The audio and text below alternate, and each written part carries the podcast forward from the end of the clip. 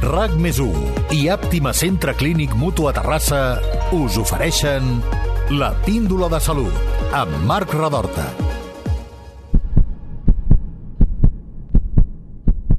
Japó té la fama de ser un dels països més treballadors del món. No obstant això, l'any 1947 va aprovar una llei que permetia a les dones agafar-se un dia de baixa al mes coincidint amb la seva menstruació. Va ser una mesura pionera, que després van seguir Indonèsia el 1948, Corea del Sud el 2001 i Taiwan el 2014. A Europa aquest tipus de mesura està sobre la taula i no és per casualitat.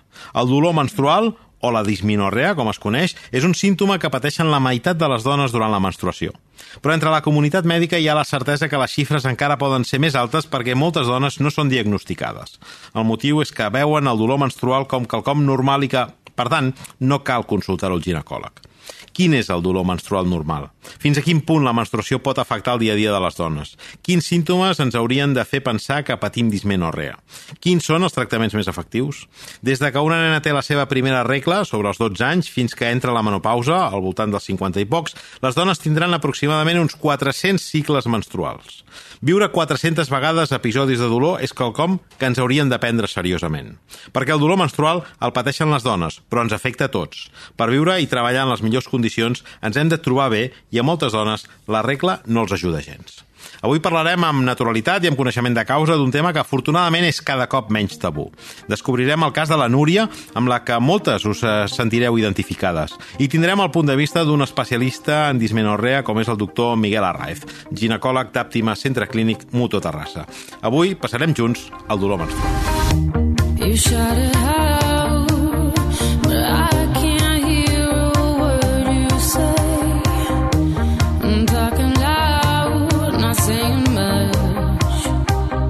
Núria, benvinguda a la Píndola Salut. Hola, gràcies per convidar-me. Eh, recordes les primeres menstruacions? Van ser doloroses? Va sorprendre la intensitat d'aquell dolor? Recordo perfectament la primera vegada, perquè de fet jo crec que totes les dones eh, ens recordem moltíssim no, de la primera vegada que ens ve la regla, perquè és un moment realment eh, emotiu no, i que es crea doncs, un canvi important amb la dona. No recordo tant el tema del dolor perquè al principi és cert que, tot i que hi ha algun canvi a nivell emocional i d'impacte no, amb el teu estat d'ànim i de més, ha algun, una mica de dolor, al principi realment les regles no eren tan doloroses, però sí que durant doncs, tots aquests eh, 30 anys, no, la regla em va venir als, als 13, eh, doncs, la intensitat del dolor i dels efectes ha sigut doncs, en, en augment, no? Eh, a partir de quin moment comences a, a notar un dolor mm, potser per sobre del que seria normal o doncs, que a tu et sorprèn com a mínim? A partir dels 20 i alguna sí? va ser quan el dolor es va començar a tornar realment mm, fort i que era difícil de controlar, no? I no només el dolor, sinó també tots els efectes emocionals d'irritabilitat, fins i tot alguns, alguns eh, síndromes eh, fins i tot depressius i, eh, i coses que realment eren difícils de canalitzar, no? I, I aquest dolor t'ha anat acompanyant en tots els cicles menstruals? Sí. Des de és llavors? a dir, sí. Mm. Jo crec que només aquests últims 5 o 6 anys he pogut dominar en algun dels cicles el, mm. els efectes de la regla. O sigui, durant 30 anys, cada mes, eh, hi ha hagut un, un impacte fort i negatiu, tant de dolor, ja dic, com de, mm com d'altres eh, efectes, no? O sigui que sí, durant gairebé tots els cicles. I, I la intensitat ha anat variant o sempre ha estat més o menys aproximadament similar? La intensitat ha anat en, en augment, de fet, amb els anys, i sobretot molt, molt relacionada amb el, el que dèiem, no? amb l'estrès no? i les exigències també del, de l'estil de vida uh -huh. actual. No? Jo, de fet, a partir dels 30 anys va ser quan la intensitat va ser pràcticament insuportable, no? Amb dolors que fins i tot el que fan bueno, són incapacitants i que per fer la teva feina doncs, has de fer un esforç eh, important uh, i que fan que en algun moment doncs, no puguis seguir amb el ritme de vida. No? Mhm. -huh. De fet, normalment no, cap allà als, als 20 i picos o 30 anys és quan a nivell professional doncs, la carrera comença a despuntar en el meu cas, doncs, jo vaig començar a portar un equip, a haver d'estar en contacte amb moltíssimes persones i, de fet, va ser a partir d'aquest moment, dels 30 i pocs, que vaig començar a visitar una, una endocrina perquè em pogués ajudar, perquè li vaig dir que si no, no podré seguir fent la, la meva feina, no? Perquè en els moments més crítics, quins, quins símptomes tenies? Home, en els moments crítics, eh, doncs, eh, símptomes forts, eh, fins i tot de nàusees, vòmits, eh, ja dic, símptomes eh, depressius uh mhm. -huh. forts en alguns moments, o sigui que de fet d'un mes per l'altre et canvia el teu estat d'ànim d'una forma que no saps ni no, no entens, no? Uh, uns dolors que són, algunes persones han dit, no, jo no ho sé perquè encara no soc mare, però dolors fins i tot com de part, eh? Vull dir, una cosa, en alguns moments que dius, però això exactament què és, no? O sigui, sembla que tinguis una, una bèstia dins del cos que no pots, que no pots domar, no? Uh -huh. I et dic, i fins i tot doncs això, eh? marejos, uh, sí, sí. Per tant, entenc que les limitacions a la teva vida, ja ens has explicat que a nivell professional eren evidents, i, mm. i entenc que també la teva, la, la, la teva vida diària eh, també eh, devien ser molt evidents, no? Sí, jo sempre he intentat, o sigui, una de les coses importants i que sí que m'agradaria comentar és que sempre he intentat que tot i que fossin incapacitants d'una forma important, els he intentat comunicar no, en el meu entorn, uh -huh. tant a l'entorn social com a l'entorn laboral, perquè s'ha de donar una veu en això, no? perquè hi ha d'haver una comprensió també, perquè al final d'aquesta comprensió crec que també rebaixa aquest, aquest punt d'estrès que puguis tenir de dir ho he d'amagar, perquè si no, no podré fer això, no sí, podré sí. fer allò, o tindré unes certes uh, uns impactes negatius, no? Eh, llavors, tot i que són limitants, jo he intentat sempre seguir la vida, o sigui, potser rebaixar una mica la, com et diré, el, doncs això, no? Potser algun dia havia de sortir o plegar abans a la feina o aquell dia no podia treballar amb la mateixa, sí. exacte, amb la mateixa intensitat, però tampoc ho passava gaire bé, no? Perquè llavors dius, home, que no ho notin, no? Que no ho notin, perquè si no, clar, quan tens una certa responsabilitat doncs és, és difícil fer això, no? I llavors, ja et dic, tot i que fossin incapacitants, intentar seguir la vida i el tema de l'esport, no? O sigui, mm. jo, per exemple, en moments, moments crítics de, dels dies de la regla, doncs no podia fer-ho, però normalment intentava, tot i tenir la regla, fer esport. Mm-hmm. -huh. Perquè l'esport, al final, en general, és una font d'endorfines, no? I les endorfines sabem que també són com un analgèsic, no?, que et fa que que qualsevol simptomatologia doncs, sigui molt més controlable, no? Per tant, mm eh, afecta, però per part meva, almenys, jo he intentat combatre-ho amb totes les eines possibles. Uh, ja has comentat que et vas posar en mans d'un especialista. Uh, quins tractaments et van oferir, què et van recomanar? L'endocrina em va fer, un, em va fer un, una analítica molt completa, on es va veure que a nivell així, general doncs, l'organisme estava bé, però que hi havia un punt que es podia millorar, que era tot el tema de la depuració de, hepàtica. No? O sigui que el fetge eh, desintoxiqués millor perquè en el meu cas hi havia una càrrega important d'estrògens dins de l'organisme. No? Llavors, eh, el que es va fer va ser eh, doncs això, una suplementació per poder desintoxicar bé el fetge, per tant, la via aquesta d'eliminació dels estrògens fos molt més potent, i després tota una sèrie de suplementació que també ajudés a, una, a desinflamar el cos en la mesura de lo possible, que en aquest cas eren doncs, pastilles d'omega-3 i de més, després doncs, suplementacions també de magnesi no? i aquest tipus de, de, doncs, de dieta, per dir-ho d'alguna manera, i després també em va recomanar una cosa que crec que també va molt i molt bé, tot el, tot el que seria el control de l'estrès, en aquest cas va ser mitjançant la meditació i exercicis que jo ja feia de, de ioga, per exemple, uh -huh. no?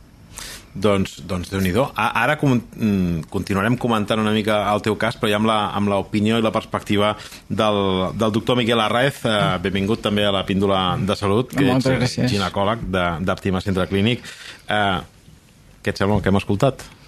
Doncs mira, la veritat és que estem davant d'un tema que és molt important, com ben has dit al principi, és una patologia, per així dir-ho, que pot afectar fins al 50% de la, de la població i que, segons les pròpies dades de la Societat Espanyola de Ginecologia i Obstetrícia, una de cada tres dones patirà aquest dolor de forma habitual i en un 30% dels casos de manera severa. Uh mhm. -huh. Per tant, estem davant d'unes xifres que realment ens fa pensar si li hem donat la suficient atenció al tema de, del dolor menstrual, veient com pot afectar la vida d'una persona, com bé ens ha explicat la Núria ara. Jo, jo crec que és, és evident que no, que no se li ha donat prou atenció. Uh, la, però la pregunta és, eh, tot el que ens ha explicat ella, aquests símptomes, tot, tot, és, és el cas clàssic de dismenorrea? Pues la veritat és que sí. Sí que és veritat que el dolor és mm, molt subjectiu, depèn de com ho visqui cada persona, però sí que és veritat que el que ens ha explicat podria ser un que diem a medicina un, un, un cas tipus de, uh. -huh. del que pateix una, una pacient amb dismenorrea. Uh. -huh. Què provoca el dolor menstrual? Se sap?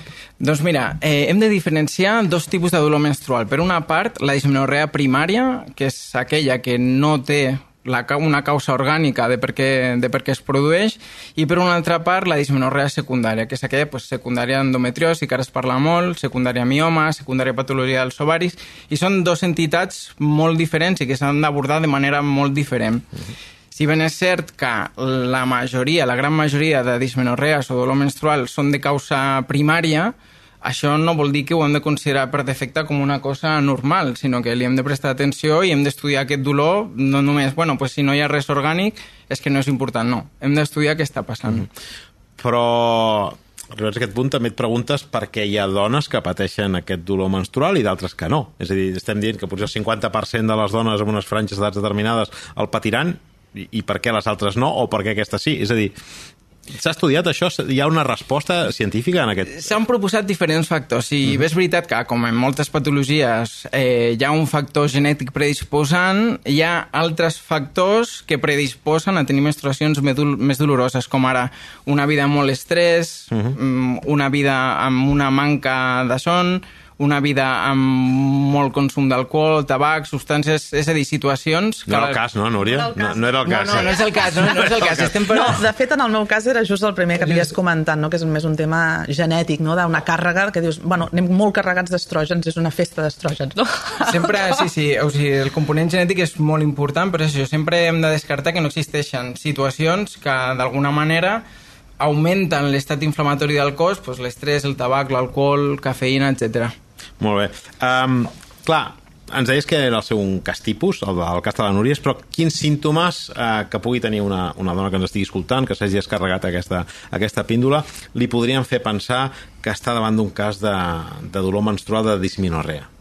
Doncs mira, la dismenorrea normalment es defineix com un dolor intens en la part baixa de l'abdomen o a nivell pelvià que normalment es pot irradiar cap a la zona lumbar i cap a les cames. Uh -huh. Com bé ha explicat la Núria també, no només consisteix en aquest dolor, sinó que es pot acompanyar d'altres símptomes com mal de cap, irritabilitat, o sigui, una afectació eh, general de l'estat normal de, del cos i que realment no és només un sol, eh, no és només un sol símptoma, símptoma. sinó que és més aviat un síndrome perquè es pot acompanyar quadre, no? de molts símptomes. Mèdic, no? Exacte, exactament. Uh -huh. I hi ha algun consell preventiu? Vinc a dir, s'ha demostrat si fent, no sé, eh, més esport, si menjant d'una determinada manera es produeixen menys aquests símptomes, pot atenuar aquest dolor? Doncs mira, l'esport sí que s'ha demostrat científicament i tenim bastants estudis de que la pràctica habitual d'esport contribueix a disminuir aquesta inflamació al cos i contribueix a millorar la dismenorrea. Uh -huh. Sí que és veritat que també es parla molt de la dieta i, evidentment, sempre recomanem pues, als pacients,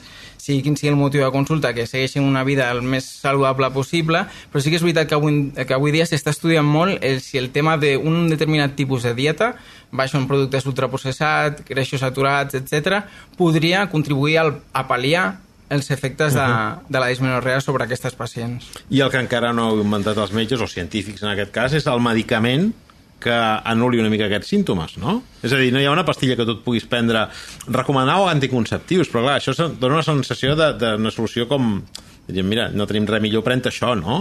E, e efectivament, o sigui, eh, quan una pacient es presenta a la consulta amb la dismenorrea, fins i tot et, et fa com una mica de cosa perquè realment el ventall de possibilitats terapèutiques que tenim avui dia és molt escàs. Tenim per una part els antiinflamatoris no esteroidals, doncs l'ibuprofènol, naproxènol, dextroprofeno, etc. i els anticonceptius hormonals, ja sigui els orals combinats o dispositius d'alliberació local de progesterona, com els dius. I clar, i la pacient em diu, i no hi ha res més? Pues per, per, o sigui, desgraciadament no hi ha res més que podem oferir en aquest moment a part de canvis en l'estil de vida, determinats complements alimentaris, però tot des d'una manca d'evidència científica que ho recomanem, però no hi ha estudis robustes per demostrar que això tingui un efecte beneficiós sobre aquestes no. pacients. Uh, tu recordes haver pres molts medicaments o alguns no. concrets? No, eh? No, de fet, jo sempre havia intentat no, ser, portar aquest estil de vida. De fet, mentre estaves xerrant, somreia perquè deia, home, és que jo de manual era, no?, de dir, fas esport, menges bé, no prens alcohol, l'estil, intentes fer eh, fins i tot ioga, no?, i prendre les coses d'una manera determinada. Uh, per tant, intentava que el meu propi cos fos autosuficient. No? Llavors, a vegades sí que havia de recórrer a l'ibuprofè, perquè eren moments de dir que no puc més, a les esterilles, a l'escalfor, sí i anava a dir, i sí que en un moment determinat, i jo vaig, molt al principi, vaig recórrer durant un o dos anys a, només per això, eh, amb el tema dels anticonceptius, i en algun moment, per un tema d'estar de, cursant un màster, que vaig dir, home, m'estic gastant un dineral per fer un màster i ara estaré aquí que no podré tirar endavant, no? Vull dir, uh mhm. -huh. en aquest moment també vaig anar a, a demanar els, uh, els anticonceptius, però com a últim, últim, últim recurs, perquè al final tot el tema hormonal no és cert que les dones en general ens fa una mica com de no? És una mica... Sí, sí. O sigui, a mi el que em sembla curiós també sobre els tractaments és que, bueno, si en el cas de que triem pues, fer un tractament amb antiinflamatoris, eh, s'ha estudiat molt com un tractament per el moment agut, però jo crec que també el futur estarà en tractaments més preventius, o sigui, no fer, fer que això no passi, no haver de tractar-ho quan la pacient ja està malament o està a punt Exacte. de començar a trobar-se malament. I després aquí també hi ha uh, molta tradició oral, no? Molts consells que passen de generació en generació, que és la mare que a la filla li, li, li diu has de fer això, t'has de posar... Saps? Uh, hi, ha, hi ha alguna cosa que sigui realment efectiva? Doncs mira, eh, així de la sabidoria popular, sí. diguem-ne, eh, el calor local funciona, sí, això funciona, i això està demostrat això. científicament, hi ha evidència que el calor local funciona, i el que hem comentat abans de, de la pràctica d'esport. Val. Tota la resta, eh, herbes medicinals, fer... El rajolinet d'alcohol, el cunyat... Això no, eh? Això, això no, que no, això, eh? no, això, això no, no, això no, no té evidència això, científica. Però això, no... però això es diu, eh? És dir, això, jo ho he sentit, vaja, no sé. Vull dir que... No, no, jo recordo la meva àvia, de fet, no, pobreta, que... Bueno, perquè ja havíem tingut a la família, no? No la meva mare ni la meva germana, per desgràcia, que no mantenien gaire perquè elles no ho patien, però sí la meva tieta, per tant, l'àvia sempre em deia no, el remei típic, no? D'unes... Eren com unes gotetes de melissa o algunes infusions, no? Que jo li deia, àvia, és que això...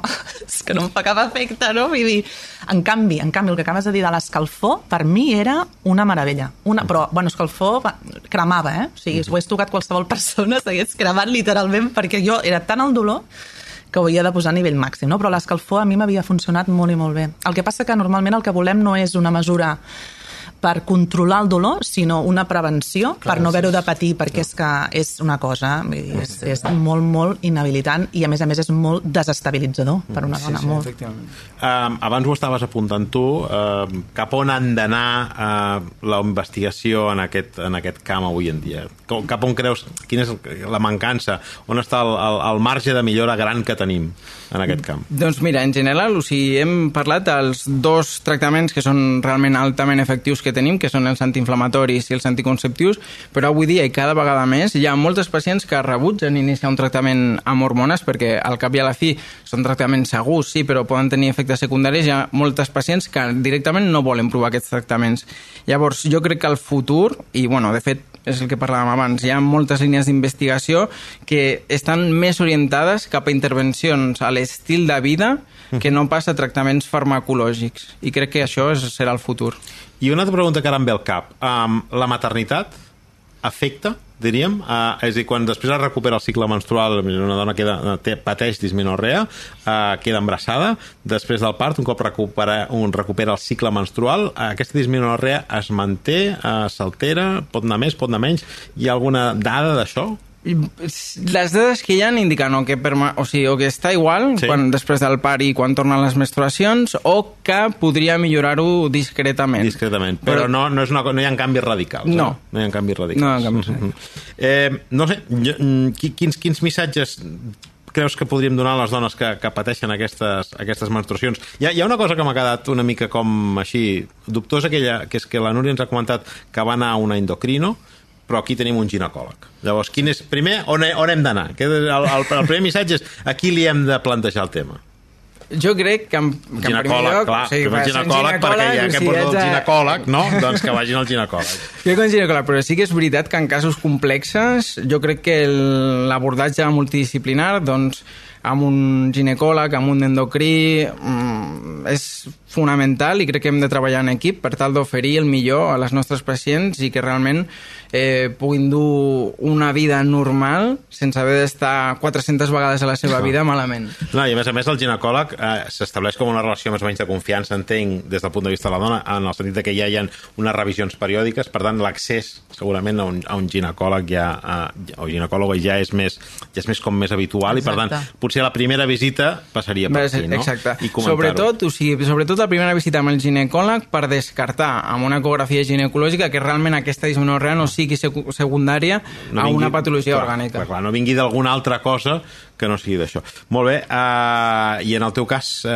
alguna, algun últim missatge que vulguis eh, enviar a les dones doncs, que pateixin aquesta, uh, aquests dolors menstruals? Sí, o sigui, jo el que diria és que no triguin tant com vaig fer jo, no? anar a visitar no només amb un ginecòleg, sinó a veure si hi ha alguna patologia més soterrada, perquè, home, vull dir, al final t'estalvies molt de patiment, que fa uns anys era com un patiment de dir, bueno, és el que toca, perquè sí. ets una dona, no? Per tant, va amb tu i, ets forta, no? Això també mm. et, et forja molt el caràcter, eh, mm. també he de dir. Per tant, eh, anar abans a veure amb un especialista I després, no arrugar-se, o sigui, seguir fent esport, escolta, és que tinc dolor, bueno, vés a fer esport, ah, és que no puc anar a treballar, vés a treballar, o sigui, s'ha de visitar amb un, amb, un, amb un metge, amb un especialista, però que no deixem de fer les coses perquè tinguem dolor, perquè moltes vegades, fins i tot, quan deixem de fer-ho, jo crec que també hi ha com una... No? Al final entres en un punt més com de, de tristor, perquè al final també estàs, uh mhm. estàs eh, renunciant. renunciant a una part de la teva vida i jo tinc comprovat que ho pots fer. O sigui, sí, sí. hi ha un punt de dolor, però que es pot, eh, es pot uh -huh. superar, eh? Vull dir, es pot, eh, es pot... I al final també és un mecanisme més de, de superació de tota la pròpia situació, no? Doncs, Núria, moltes gràcies per compartir el teu testimoni amb nosaltres i doctor Miguel Arraez, ginecòleg d'Àptima Centre Clínic Mutu Terrassa, moltes gràcies també per ajudar-nos a entendre l'abast d'aquesta malaltia i les opcions que, que a dia d'avui ens ofereix la medicina perquè les dones tinguin una millor qualitat de vida. Moltes gràcies a vosaltres. Moltes gràcies. gràcies.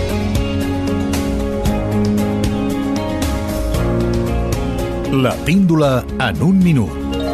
El dolor menstrual o dismenorrea és un símptoma que pateixen la meitat de les dones durant la menstruació, és a dir, aproximadament 400 vegades durant la seva vida reproductiva. Els símptomes més habituals són dolor a la zona abdominal baixa i a la zona pèlvica que pot irradiar cap a la zona lumbar i cap a les cames. També pot anar acompanyat de mal de cap, nàusees i alteracions hormonals que provoquen canvis sobtats en l'estat d'ànim. A dia d'avui encara no hi ha tractaments específics per abordar aquest problema. Els professionals mèdics recomanen puntualment medicaments antiinflamatoris i anticonceptius, si bé aquests tractaments hormonals tenen altres efectes secundaris i no són la solució ideal en molts casos. Les dones que tinguin regles doloroses han de consultar amb el seu ginecòleg per conèixer-ne l'origen i decidir quin és el tractament més òptim en cada cas.